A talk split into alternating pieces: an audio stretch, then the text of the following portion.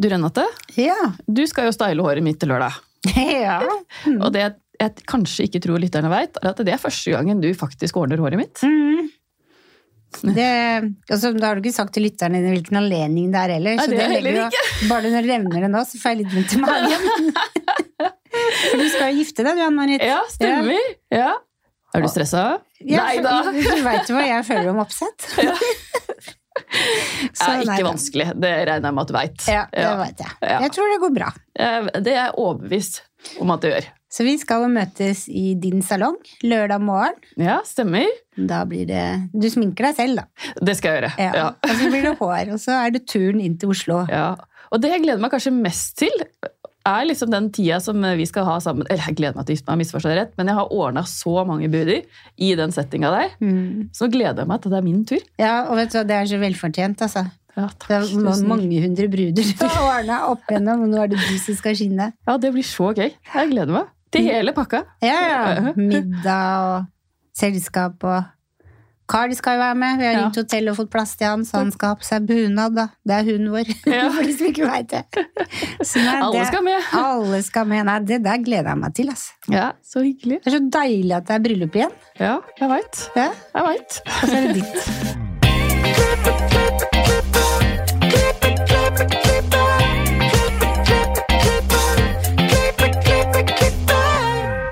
Velkommen til Hårpodden. Jeg heter Renate. Jeg heter Ann-Marit. Bruden av Marit heter du i dag. Ja, ja. Uka di, hvordan er den? ja, dette her er jo siste episode før ferie. Mm. Så nå skal jeg ta en hel måned ferie på Sørlandet. Rett etter bryllupet så er det rett på Sørlandet, og der skal vi holdt jeg på å si ikke gjøre noe. Ah, så deilig. Ja, jeg er eh, egentlig veldig glad i å reise, men eh, etter jeg fikk barn, så setter jeg så pris på å ikke gjøre noe. Men det der er jo Syden. Dere har jo de fine strendene og hus og familie og Mm, og så håper jeg du kommer en tur på besøk. Jo, det har vi jo egentlig snakka om at vi skal, for vi har jo noen gjester vi har lovt vi skal besøke òg. Ja, Så det kunne jeg faktisk tenke meg å gjøre. Vi har jo Jeg går jo to uker etter deg, men jeg har jo fire uker. Det har jo ikke jeg hatt siden jeg fikk barn. jeg. ja ikke sant? Så det gleder jeg meg til. Ja, du er hjertelig velkommen. Når som helst. Ta, ta Sett meg i bilen og kjøre ned, da, vet du. Ja. Men vi sitter jo ikke her aleine. Dagens gjest er businessmanager for Loreal Norge, og nå nylig hadde Loreal sin første businessforum-samling, og det er nettopp det som er dagens tema. Velkommen til oss, Siv Næss. Tusen takk. Tusen takk for invitasjonen. Og gratulerer med bryllup. Kan ikke du fortelle oss litt om hvordan din karriere startet, hvordan du havna hos Loreal og Ja, jeg tror, jeg tror at min karriere i Loreal den startet nok i mitt eget hode tidligere enn jeg faktisk begynte i Loreal. Eh, og den startet nok eh, med studiene mine, eh, hvor jeg skulle skrive en avsluttende oppgave eh, innen markedsføring. Eh, og siden moren min er frisør, så tenkte jeg at eh, denne oppgaven må jeg skrive om bransjen, frisørbransjen. Eh, og i og med at denne oppgaven tok litt tid, så begynte jeg å forstå at hm, her er det store potensialer, her er det mye spennende. Og så er det en annen side enn den jeg kjente, eh, fra moren min, da, som sto bak stolen. Eh, så eh, det var egentlig utgangspunktet, og jeg bestemte meg vel allerede da at nå skal jeg inn i Loreal, og det var egentlig ingen andre enn Loreal heller. Så fra 1998 så har jeg vært i Loreal. Oi, Eh, det er 25 år, det. det er 25 år. Ja. Eh, Det var 25 år i januar. Eh, Og jeg har hatt mange, mange ulike stillinger. Og det er kanskje det som har gjort reisen så utrolig spennende. Og at man ikke har søkt seg ut, da. Og så god tilknytning til bransjen, selvsagt. Det er jo en menneskelig faktor her som er helt unik. Ja. Men jeg ble litt nysgjerrig, fordi mammaen din er frisør. Vurderte du noen gang å bli frisør? Nei, aldri. det Er rart? Ja. Nei, aldri. Og mamma prøvde ikke å påvirke heller? Nei. Nei? Eh, gjorde ikke det. Eh, ikke annet enn at jeg måtte stå og sope litt hår, selvsagt, og skylle litt permanentspoler og sånn. På et tidspunkt. Eh, men eh, nei, jeg vurderte aldri det. Jeg skulle i en annen retning, rett og slett. Mm. Eh, og hadde vel ikke egentlig sett for meg frisørbransjen før jeg satt der med denne oppgaven og tenkte wow, her er det mye vi kan jobbe med, som er spennende. Mm. Ja. Var det vanskelig å få jobb i Loreal? Jeg blir nysgjerrig på det. jeg. Nå er det jo dette en stund siden, men Ja, det er en stund siden. Eh, ja, jeg måtte jo vente til det kom noen eh, ledige stillinger. Eh, men når den kom, så var det noen gode intervjurunder. Men jeg var, jeg var så klar på at det var dette her jeg skulle. Så jeg håper at det var det som på en måte la inn det siste stikket, at jeg fikk jobben. ja. Eh, Loreal er jo stort. Det er jo for holdt jeg på å si, profesjonelle og holdt jeg på å si, andre, andre folk i Norge. Er det liksom frisørene du jobber for, eller er det liksom alt? Frisør. Frisør, ja. ja. Frisør. Kun frisør. Og der har jeg vært i 25 år. I wow. eh, ulike roller, da. Men, eh, men nå så jobber vi altså mye med det som er med utvikling å gjøre av business også, selv om vi, og produktene våre er selvsagt en del av det. Jeg tenker ofte at eh, det er en årsak til at L'Oreal er det eneste firmaet i verden, eh, kosmetikkfirma, som har egne forskere. Og det betyr at produktene ofte er basert på markedstrender, da. Eh, Og da er produktene våre så unik mulighet til å kunne sette det inn i en annen businessplan, hvordan vi kan utvikle tjenester på en helt ny måte. Altså det å bruke et produkt på en litt annen måte enn at det er for frizz, eller for krøll, eller for tørt hår, eller for skadet hår, eller ja. Businessforum, hva er det? Du, Business Forum er en idé eh, vi kom opp med for et år siden. Eh, og så har vi brukt litt tid på å bygge rammene. Men det er rett og slett et forum og et ønske om å ha et forum hvor vi kan utvikle. Eh, på alt som har med drift å gjøre. Så det er et lederforum, for å si det på den måten. Eh, men et sted hvor vi kan diskutere, dele erfaringer, være sammen. og sette på kartet det som egentlig alle opplever ute i bransjen vår i dag. Da. At eh, det kan være litt tøfte tider, men så er det veldig mye bra også. Hva er den største feilen ledere gjør? Sånn i forhold til daglig drift og Vet du hva, jeg tror ikke at eh, de gjør så mye feil. Nei? Eh, Jeg tenker at bransjen vår i dag, og ledere også, mm. har så mye menneskelig erfaring, da, som er et unikt konkurransefortrinn. Eh, Kontra at vi er i en veldig digital eh, spiral i verden. eh, Så er lederne menneskelig forankra. Og det tror jeg er genuint viktig. Eh, og så er det kanskje noe med at vi må jobbe mer med data og tall, og, og bli dyktigere på den biten som har med utviklingen av, av businessen vår å gjøre. Eh, sånn at vi får flere kunder inn i salongen igjen. Det tror jeg er det aller viktigste. Hvordan, hvordan skal vi få til det? Nå ble jeg litt nysgjerrig. Hvordan får vi alle kundene inn i Det salongen er igjen? et veldig godt spørsmål. Ja. og det er et av de spørsmålene som vi også stilte oss når Business Forum ble skapt. Eh, fordi jeg tror det er flere deler av det.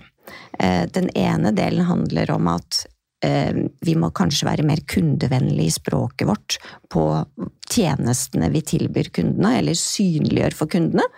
For eksempel så tenker jeg at eh, vi har i bransjen vår eh, alle prismenyer. Eh, og det er ofte en prismeny som kunden ikke forstår så veldig mye av. Eh, så dette her å gjøre om dette her til å være menyer som er forankra litt mer kundevennlig, sånn at kunden blir mer i førersetet til å kunne gjøre valgene sine, det tror jeg er viktig for bransjen fremover. Eh, og for salongens utvikling, for at vi ikke skal eh, stenge mange salonger, eller at man går i tap, rett og slett.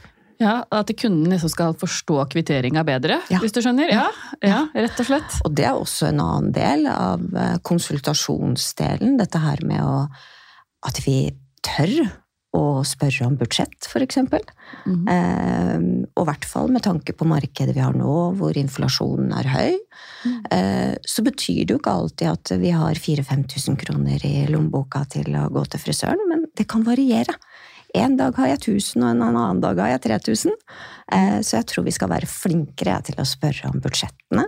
Eh, og avklare med kunden litt underveis. Hva, det- hva er det vi skal i dag? For det snakka vi litt om før i dag, Mm. hvor vi hadde fått spørsmål om klipp var inkludert i fargeprisen. Ja.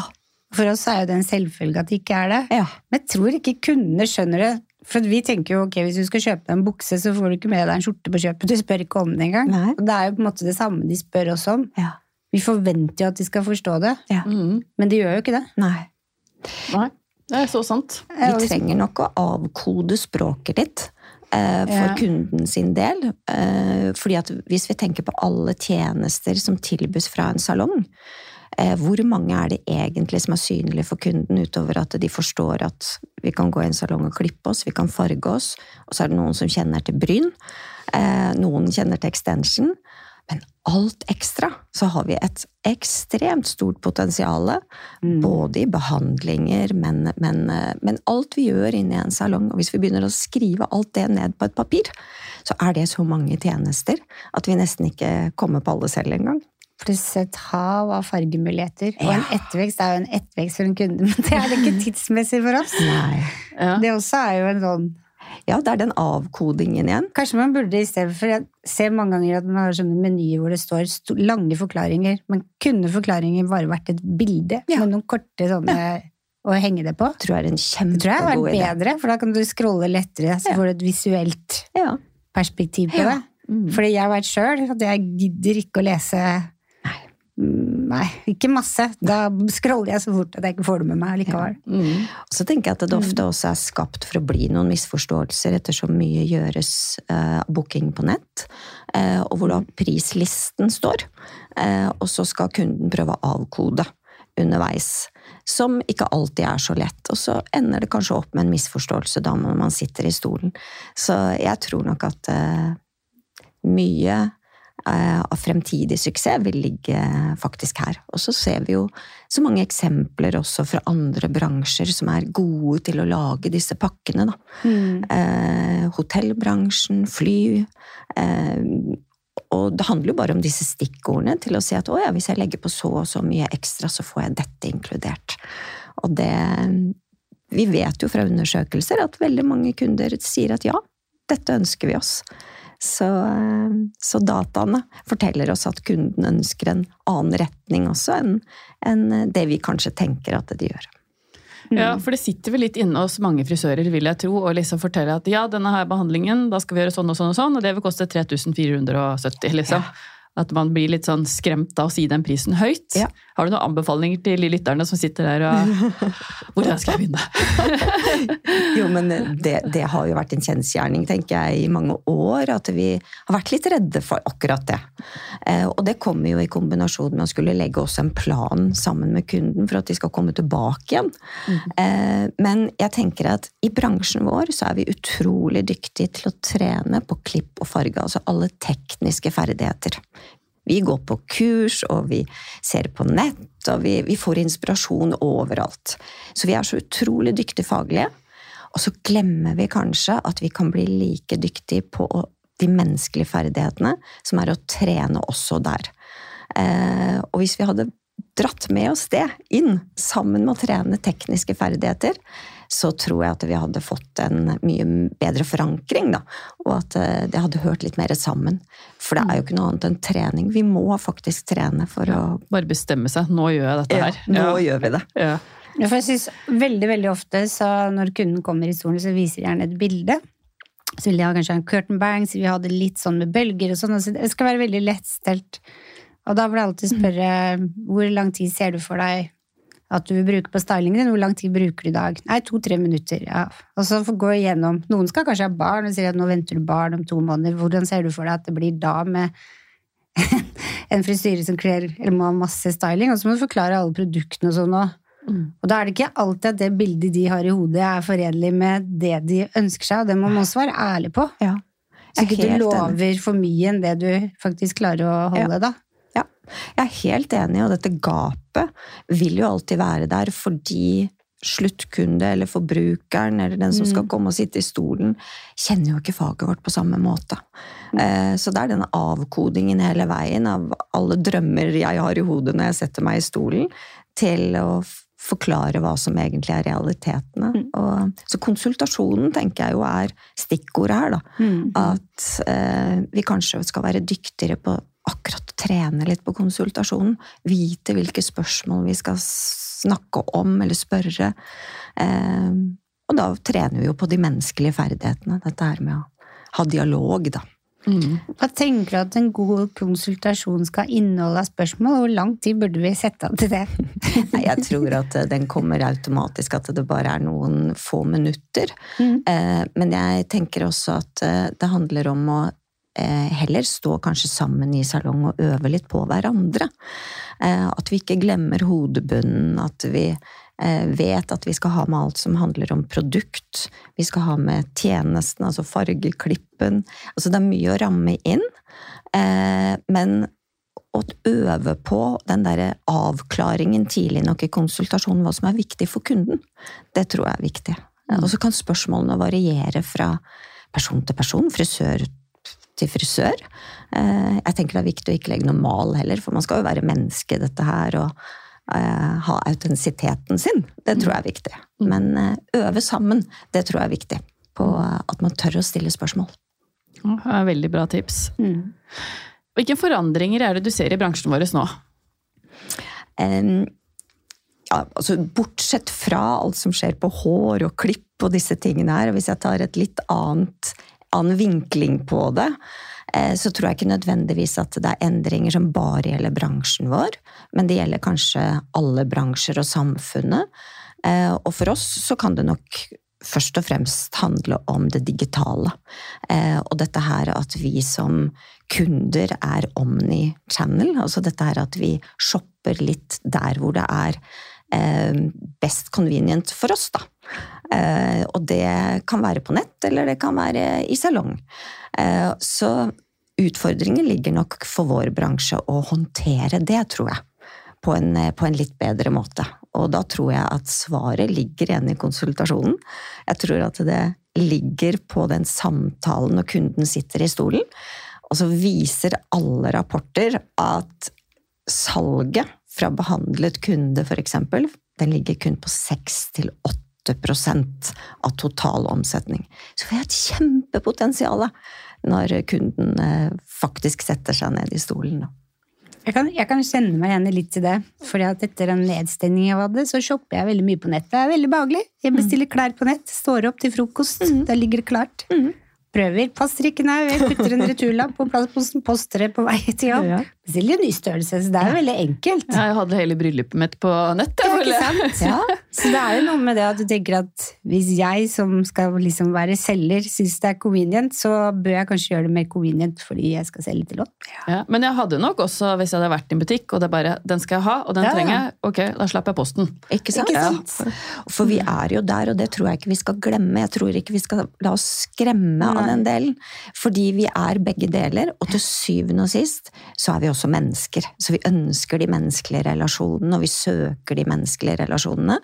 Eh, og de gode anbefalingene når noen ser meg, altså det vil aldri bli borte. Det er vårt unike konkurranse, konkurransestandpunkt i bransjen.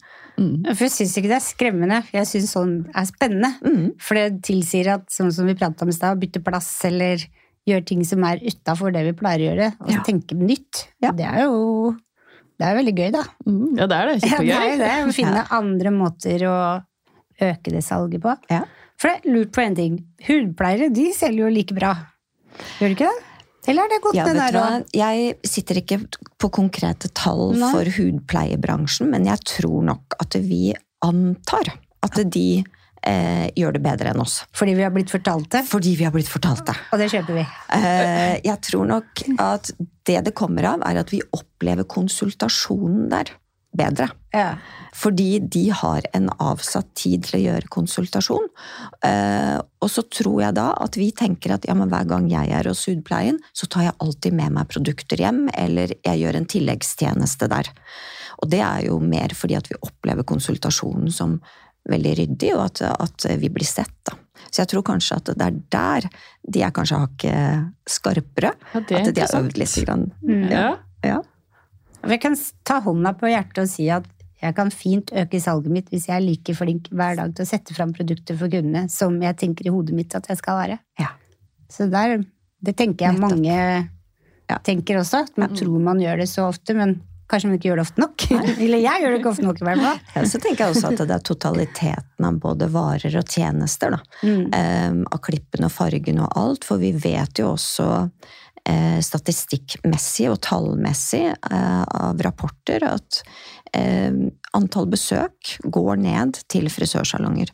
Så det at vi dropper kanskje i salg, videre salg, det har også sammenheng med at vi kanskje dropper i antall besøk. Vi dropper i, eh, i eh, også i fargebehandlinger. Så jeg tror det er viktig at man ser totalen, eh, og ikke skiller eh, videresalg og tjenester, da, men at man ser rammene av det som en total. Eh, og at det til syvende og sist handler om dette droppa i besøk. At kunden ikke kommer ofte nok, eller at de har droppet helt ut. Men tenker du da at kanskje hvis du da får, en- for, la oss si du får Lise-Lotte da, som vil ha balayage, da er det inklusive glossing og en klipp og en kur i den pakka. Burde den pakka da kanskje inneholdt tre-fire produkter som man la på prisen som du fikk med deg, det ble en pakke? Ja. For da vil jo den ha lyst til å kjøpe det Ja. neste gang. Ja. Sant? Og så har vi sånn sørget for at, eh, at vi tar vare på kunden hele veien til neste besøk. Mm. Eh, og det tenker jeg kunden setter veldig, veldig pris på. Og så ikke minst så slipper de å sitte veldig bekymra i stolen og tenke på hva blir prisen når jeg er ferdig her. Ja. Da vet vi. For akkurat det der husker jeg for 10-15 år tilbake med extension. Når vi gjorde extension, så fikk de alltid med seg sjampo, balsamkur og en krem og extensionbørste som du pakka inn i silkepapir og klistremerke med salongens logo på. Det lå i prisen. Vær så Ja. god, dette trenger du for å holde orden på håret ditt. Ja. Blir det samme sak? Ja, blir akkurat samme sak. Ja. Jøss. Og så tenker jeg at det, det forenkler Ja, det er kjempespennende. Og så tenker jeg det forenkler også eh, samtalen som frisøren skal ha med kunde. Eh, når vi snakker om dette med budsjett og legge en plan for kunden, eh, så forenkler det hele prosessen da, av at kunden kan få lov å velge selv.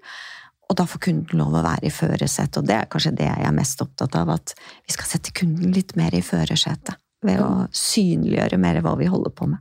Så slipper da kunden til Ann-Marit å komme til kassa og tenke at jeg vil ha alle de fire produktene, for da blir jeg så fin, og så må du tenke tillegg. Ja, Ja, Isteden så er det noe du får fordi Ja. du har kjøpt den pakka. ikke sant? sant. Det er lurt. Ja, veldig. Så du syns heller at det burde vært pakkeløsninger enn sånn enkeltvis? Altså. Ja, for jeg tror det Eller ja takk, begge deler. Ja takk, begge deler. Litt som på restaurant. Ja. eh, At en dag har jeg lyst på eh, menyen, og så har jeg lyst til å velge selv. Og en annen dag har jeg lyst på en pakkeløsning. Mm. Så kanskje ja takk, begge deler. Mm. Så må Jeg jeg vet, det, nå kverner det i hodet ja, mitt. hører jeg må røske tak i konsultasjonen her. Ja, men det er jo noe med at du sender ut den bagasjen med den glossen, og så vil de ikke kjøpe produktene, og så vet du at da går den nyansen ut etter kortere tid, og så får du kunden tilbake som ikke er fornøyd for at du har ikke holdt glansen, og så, ikke sant? Mhm. Pluss at eh, kunden kan ta instabilder som kan fortelle at det er du som har gjort det. Ikke sant? Gjennom hele den tida til de skal tilbake, og det vil se smashing ut. Mhm. Han har da satt seg her. Og så hjelper det jo statistikken vår da, på å få kunden raskere tilbake, kanskje. Fordi vi da har lagt en plan sammen med kunden. Eh, sånn at vi får de tilbake mye raskere enn vi kanskje ville ha fått tidligere. Ved å fortelle de også at du trenger ikke betale så mye neste gang. Da har vi en løsning som er rimeligere. Eh, da vet vi også at vi knytter kunden mye tettere til oss. Da. At det ikke forsvinner til et annet sted. Ja. Så blir det rebooking òg, da. blir Salg og rebooking samtidig. Jeg kjenner vi burde vært på det forumet, vi. Jeg hører dette. Det tror jeg var gøy. Men hva annet kan vi gjøre for at kunden skal komme tilbake? Ja, jeg tenker at det mye dreier seg om når vi har kunden i stolen. Eh, Men det er klart at vi må også eh, vite at kunden ser oss. Og i dag så er jo eh, det fysiske og digitale vinduet to vinduer. Og jeg tror vi skal forsikre oss om da, at vi er enda mer synlig i det digitale vinduet vårt enn det vi har vært tidligere, og at Google-søkene er gjerne det vi bruker for å, for å oppsøke frisør. Så hvis vi bare googler eh, frisør i Oslo, så ser vi jo hvem som popper opp allerede først. Eh, Og det er sånn kundene jobber. Så jeg tror vi må være bevisste på, på det digitale vinduet i tillegg. Ja. Da tenker jeg at da må man også være digitalt på TikTok, eksempel. At man googler frisøren der, for det også kommer opp. Det er også viktig. Mm, Mm. Det blir, ja, det blir gøy. Det er mye å bite over. Mye som kverner. Ja, det, alt dette har jo med eh, forbrukerendringer å gjøre, som ikke nødvendigvis bare er for vår bransje. Det er jo bare helt generelt. Vi blir mer opplyste forbrukere, vi blir mer opplyste og får mer informasjon. Det er jo en informasjonsflow av en helt enorm karakter. Eh, og dette her da å eh, vite hvordan vi skal være helt målretta mot de kundene vi ønsker oss, det blir utrolig viktig, for ellers så tar jo jeg som forbruker helt styringa selv. Eh, uten at, eh, at eh, salongen på en måte kan, kan ta noe tak i meg, da. Mm. Ja, Lage en, liksom, en ordentlig businessplan på hva du Hva er faktisk målet mitt, liksom? ikke sant? Ja. Er det sånn dere hjelper til med på L'Oreal? Ja. Ja, så Vi dere jobber- hjelper kundene deres til å sette opp Ja. Det er jo helt genialt. Vi jobber med dette her hele tiden. Eh, og, og så er det ikke sånn at vi setter produktene sånn sidestilt, eh, eller til side. Eh, men vi bruker på en måte teknologi i nye produkter, for de har jo blitt utviklet av en grunn. Eh, og de har gjerne blitt utviklet basert på at det er en eller annen markedstrend som vi ser. Og det da å kunne jobbe planløsning med businessplaner for å se ok, hvordan kan vi bruke dette produktet helt bevisst til å skape nye tjenester, nye servicer, eh, det er veldig, veldig spennende. Så ja, vi har en eh, stor ramme av hva vi jobber med eh, på businessplan, både når det gjelder bærekraft, når det gjelder businessutvikling for å få kundene tilbake, det digitale. Eh, ja, det er en stor, stor verktøykasse som eh, vi kan på en måte dra litt opp av sekken, avhengig av hva vi har behov for. For det, er vel også er det en egen jobb å vite hvordan man skal sette produktet i riktig hylla, ut ifra hva kunden ser? Ja, merchandising, Ja. absolutt. Eh, Men samtidig så tenker jeg nok i dag at eh, kunden er så opplyst i dag. eh, At veldig ofte så har de allerede funnet veldig mye informasjon før de kommer inn i salong. Så jeg tror at i dag handler nok aller, aller mest om å være sikker på hva vi gjør i konsultasjonen vår. Og at vi, at vi gjør virkelig gode anbefalinger der. Nå falt vi tilbake på konsultasjonen igjen. Ja. Jeg skjønner, det her er veldig viktig. Never ending story. Og det er noe av det som er litt fint, at man faktisk får litt bedre tid på kundene enn det man hadde før. For det er, det er ikke så lett å ta den konsultasjonen når du ligger bak i en vask, for eksempel. Det må jo skje før. Så det Det er rett og slett for sent hvis vi prøver å gjøre det ved vask, eller når vi prøver å gjøre ting ved kassa når kunden skal gå. Det er for sent. Så eh, Mm. mm. Er det noen store sånne salongtrender du ser går i dag? Og da tenker jeg ikke på hår, da tenker jeg på hva vi gjør når det gjelder businessen. Eh, Jeg tror at flere og flere blir oppmerksomme på at de skal være mer eh, oppmerksomme på tall og dataene sine. Eh, Og det vi i hvert fall jobber veldig mye med, det er å klare å skille mellom hva som er kostnadsdrivere, eh, og hva som er vekstdrivere. Bransjen vår har over veldig mange år vært drevet av kostnader. Altså vi, vi har blikket på kostnadene, og så har vi ikke så mye på blikket på det som skaper vekst. Og det kan være f.eks. å ha oversikt over eh, hvor mange fargekunder har jeg, kontra hvor mange klippekunder, og hva står de for i omsetning. Eh, kontra eh, hvor mye varer har jeg på lager. Så det er liksom aspekten av hvordan du kan jobbe med vekst og vekstdrivere. Eh, og ikke bare tenke at du skal kutte kostnadene. Det tror jeg er viktig nå med høy inflasjon. Dere sitter jo på mye rapporter og sånn.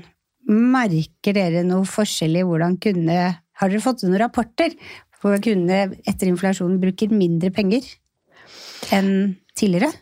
Kunden bruker bare penger annerledes. Ja. Eh, men det vi ser, er at eh, Og vi kaller det jo lipstick-effekten.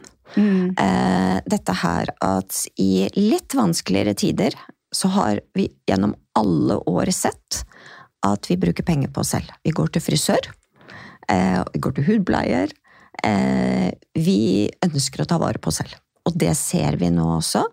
Og på Business Forum så snakket vi faktisk en del om dette her, og det ble også vist noen tall i forhold til at dette faktisk stemmer, da. Mm. Så eh, vi skal, eh, vi skal bare ta vare på de som kommer inn til oss, eh, tenker jeg, og legge en god plan sammen med dem for hva slags budsjett de har. Jeg, jeg opplever at jeg hadde en kunde som sa til meg det at ja, nei, hun klippa døtrene sine, så derfor tenkte hun at da kan jeg unne meg å komme til frisøren selv. Så ja. de, man kunne lage en unnskyldning ja. for å være der. Ikke sant? Ja. og det er jo sikkert livseffekt, eh, som du sa. Det er akkurat det. Eh, vi prøver å redusere på noe for å få råd til noe annet, og det, det er blant annet det å gå til frisør. Mm. Eh, jeg hørte faktisk på nyhetene bare for noen få uker siden at frisørbesøk er det vi faktisk prioriterer å bruke mest penger på nå. Så det er veldig, veldig bra. Mm. Enig. Ja. Jeg syns mange ganger når det er litt sånn dårlige tider, så Dårlige tider, vi har det jo bra her i Norge, vil jeg si det. Absolutt. Men jeg føler at jeg sjøl blir litt mer kreativ ja. i hvordan jeg bruker mine egne penger. For det er ikke sånn at jeg ikke bruker penger. Det skjer ikke. Jeg sparer ikke noe mer enn før. Men for eksempel så er jeg kanskje flinkere til å bruke alt jeg har i kjøleskapet. Det er ingenting som går i søpla. Ja. Jeg kanskje kaster ikke den sofaen, jeg beholder den ett år til, og kanskje neste ser jeg på Finn. Ja. At sånn i forhold til verden så er det mer bærekraftig at vi kanskje får et sånt slag bak, men at vi må bli flinkere til å vare på det vi har også. Mm.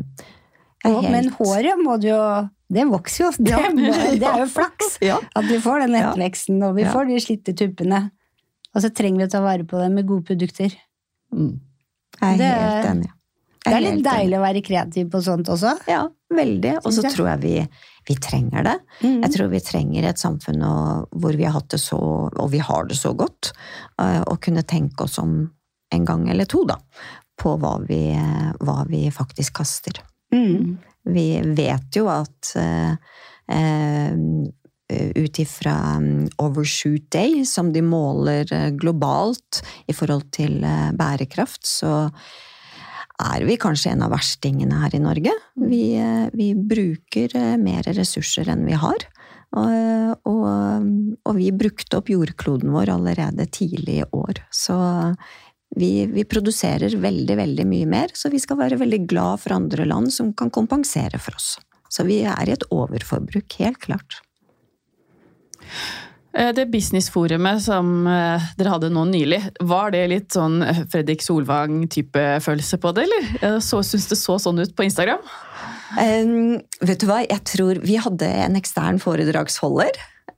Og så hadde vi noe, noen deler selv. Eh, av vårt eget program. Og så hadde vi en paneldebatt helt til slutt, så det er nok den som kanskje har blitt synliggjort. Eh, med Øystein Rudolfsen da som, eh, som ledet paneldebatten. Det var et kjempefint fora med spenn av mennesker, og vi var så heldige, syns jeg, da, at vi til og med fikk med publikum inn i debatten. Så, så, så det er kanskje ikke helt i Solvang-stil. Nei. Men, uh, Blir det flere av de, eller? Ja, vi planlegger nå for neste, som kommer i januar. Så uh, rett over sommerferien så tenker jeg at vi allerede har datoer og program helt klart, og da er vi klare også å få påmeldinger. Så uh, vi håper, og etter alle gode tilbakemeldinger, så ønsker vi at dette her skal bli et fast event og samling. Ja. Spennende. Det er gøy å gjøre det på den måten. Ja, det, er, eh, det, knytter, eh, det, knytter, mennesker sammen. Mm. Og det var i hvert fall tilbakemeldingene vi også fikk. At uh, dette her var sammen med gode kollegaer. Noe alle var opptatt av, og noe som de gjerne ville diskutere mer. Så det gir bare inspirasjon til å fortsette. For det er jo liksom hovedessensen i faget vårt. Føler vi at man deler. Ja. Man blir liksom ikke noe bedre av å knote det til seg sjøl. Ikke dele Sitte det man har. Sitte og knuge på ja. egen hånd. Nei. Helt enig. Jeg tenker på, Vi har snakka veldig mye om hva kan vi bli bedre på, men hva er vi frisører gode på? Vi må skryte litt på oss sjøl. ja, vet du hva, og det syns jeg er viktig. Ja. Veldig viktig at du sier, fordi én eh, ting er faglig dyktighet. Eh, bransjen og, og, frisører i Norge er jo utrolig dyktig faglige. Eh, men samtidig så er det noe jeg har tenkt mye på. Nå ser jo jeg det fra en litt annen vinkling, selv, selv siden jeg ikke er frisør. Eh, men jeg tenker at dette med kreativitet eh, Det mener jeg at er helt unikt i denne bransjen. Og spesielt når vi kanskje også ser tendenser til at dette her er veldig mange mennesker som går og glemmer litt kreativiteten sin. Da. Den blir litt borte. Eh, og dette her er jo noe som blomstrer i, i vårt fag. Eh, og så tenker jeg også på dette med menneskelige relasjoner. Eh, bransjen vår er sterke på menneskelige relasjoner, og frisører har jo noe genuint i seg av at man elsker å være sammen med mennesker. Eh, og jeg nevnte det vel tidligere også, jeg synes at det er et konkurransefortrinn. Og så vet vi også at trendene viser jo at mental helse er ganske viktig etter hvert. Så dette her med hvilken rolle frisøren har fremover, eh, det tror jeg er eh, viktig med tanke på akkurat det. Og menneskelige relasjoner. Det å vite at man ser mennesker, hører mennesker, lytter til mennesker, og ikke minst kan ta på mennesker. Mm. Ja. Jeg tenker at uh, Ann Marit og jeg har jobba i samme firma tidligere. Da jobba vi for Alf i Studio Alf, Alf Jan Fjell. Og jeg tror absolutt noe av det viktigste jeg lærte Jeg lærte mye av han, men noe av det viktigste som jeg tenker på daglig, er noe med det at hvis du har en dårlig dag, for der må du være profesjonell, så, så fort du tar i døra og går inn, så har du glemt det. Det ligger på utsida. Og hvis du har så dårlige dager at du ikke klarer å gå på jobb, så skal du holde deg hjemme. Ja. Fordi du skal jo være den som holder gleden i salongen, teamet, kundene oppe. Mm. Du kan liksom ikke da komme og være sur, og hvis du er sur, så får du bare si at jeg er sur i to minutter til kunden kommer, og så er det vekk. ja, ja, men, og det er jeg så glad for at han har lært oss, mm. for opp gjennom åra så får du dårlige beskjeder under jobb og før jobb og alt, men du kan ikke dra med deg det. Så jeg føler at vi, vi er så profesjonelle, vi frisører, altså, som går på jobb og drar med oss alt som alle andre drar med seg opp, men vi gjør det med et smil. Mm. Altså, den sekken den kan være så tung som bare det, men vi smiler likevel. Ja. Mm. Eh, det er helt unikt. Frisører ja. er genuint dyktige til det. Ja. Eh, og det eh, glemmer vi litt ofte, mm. tenker jeg, i alt dette her som skjer rundt oss. Men jeg mener virkelig at det er konkurransefortrinnet vårt. Mm. Mm. Ja, det er så sant. Mm. Mm. Ja, for I tillegg så skal vi jo ta vare på det, som du sier, mental helse. Vi er der, vi lytter, vi gir råd, vi er menneskelige mm. overfor de vi har i stolen. Mm. Og så har vi jo vårt, men det bryr vi oss ikke noe om, for det har vi ikke med oss på jobb. Det er jo helt unikt, da. Det, det må vi klappe på skuldra for. Ja, jeg er veldig enig. Ja. Det dere sier, um, inspirerer meg veldig i forhold til det som har med lederrollen i salonger å gjøre, da. Og det er jo faktisk å lære de yngre som kommer inn i bransjen, hvordan man står i alt dette her. Eh, for vi tenker jo ofte at det bare er en selvfølge, men det er jo ikke det. Eh, det er jo ikke det for noe menneske, vi må jo lære det. Mm. Mm. Når vi snakker om det, hva tror du skal til for å rekruttere flere folk inn i denne bransjen vår? Jeg eh, tenker at det viktigste er å være til stede det året som er tiende året før man går ut til videregående. Å være til stede hele det året med opplysning. Jeg tror rådgivere på skolen trenger mer informasjon. Eh, og så vet vi jo også at det ofte er mødre og mammaer som har mye å si og påvirke inn i hvilken retning barna skal ta. Eh, og så er det kanskje noen ungdommer som vet veldig godt hva de skal, men flesteparten vet ikke. Så det å være til stede i det tiende året på å kunne påvirke, det tror jeg er kjempeviktig. Sammen med å være til stede på de digitale plattformene hvor, hvor ungdom faktisk er. Jeg fikk faktisk en telefon her for et par uker siden av en lærer fra Loftus skole som hadde en elev som ville bli frisør og gikk i niende. Ja. Lurte på om hun kunne få jobbe hos meg en gang i uka. Ja. Velkommen, sa jeg da. Det gleder meg. ja. Og så det tenkte jeg meg etterpå Oi, vi har åtte plasser, nå har vi åtte. Det blir så jeg, ja, det løser seg. Finner en løsning. Ja, ja. Hallo. Ja. Det er jo helt gull å få en som har lyst til noe, og bare gi den det den har lyst på. Mm. Jeg tror generelt at skoler ville mm. blitt enormt glad for å uh, få mer innsikt. Eh, for ofte så står det jo mellom å velge realfag eller yrkesfag.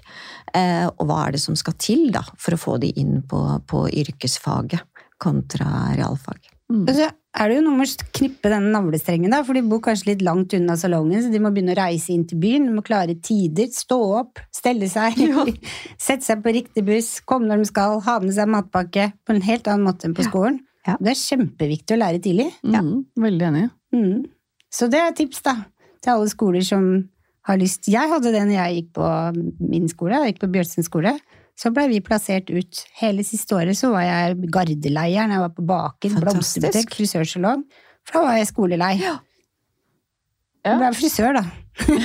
Men det er jo fantastisk, for jeg tenker at de, de færreste vet hvilken retning livet skal ta, da. Eh, Så ting blir ofte tilfeldigheter. Eh, Så det å være til stede og påvirke i de valgene, det tror jeg er kjempeviktig. Mm. Vi har noen faste spørsmål til deg også, vi. Har du noen tips til frisører som vil opp og fram? Ja, jeg tenker vel eh, først og fremst å eh, Det å dele drømmene med noen. Eh, Sånn at man på en måte kan få veiledning og noen gode råd på veien, det tror jeg er fint. Eh, Og samtidig så tenker jeg at vi snakker så ofte om karrierestiger. Altså vi skal klatre i en eller annen retning. Men eh, jeg tror at det blir mer og mer viktig å ha en eh, portal av kompetanse. At vi tenker litt mer utover i bredde, og ikke bare oppover. For da kan vi ta bedre beslutninger, tror jeg, på hva vi har lyst til, og at vi ikke nødvendigvis må gjøre alt på en gang.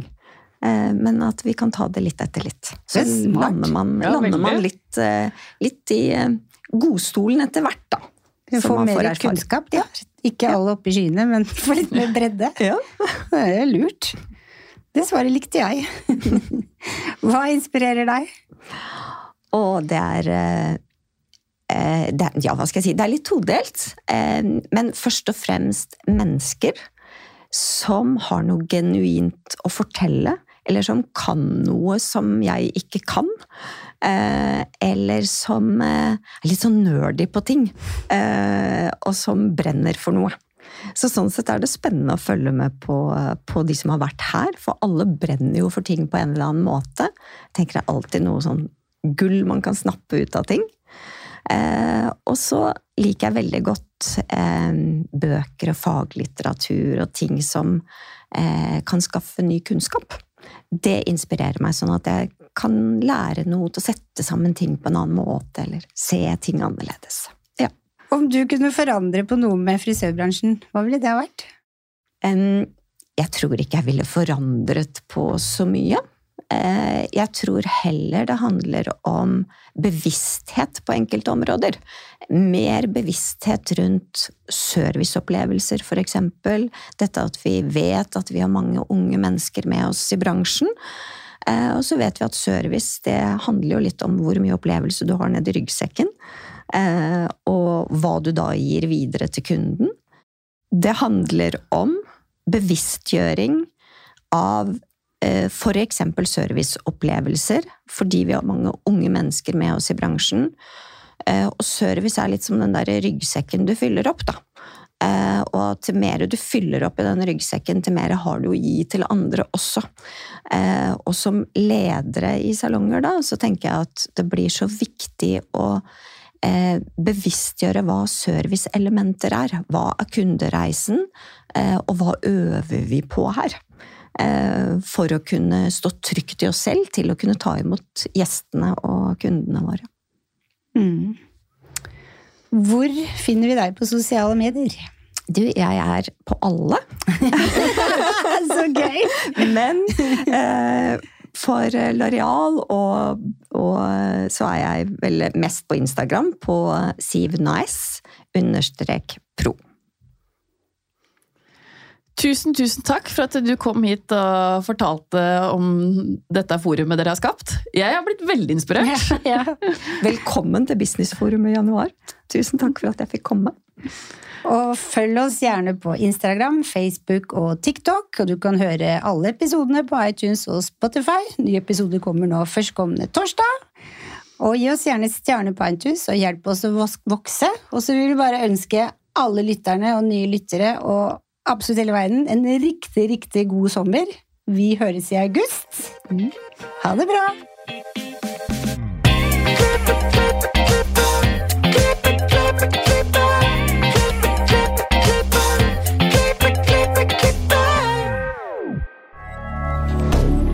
Moderne media. Har du et enkeltpersonforetak eller en liten bedrift? Da er du sikkert lei av å høre meg snakke om hvor enkelt det er med kvitteringer og bilag i fiken, så vi eh, gir oss her, vi. Fordi vi liker enkelt. Fiken superenkelt regnskap.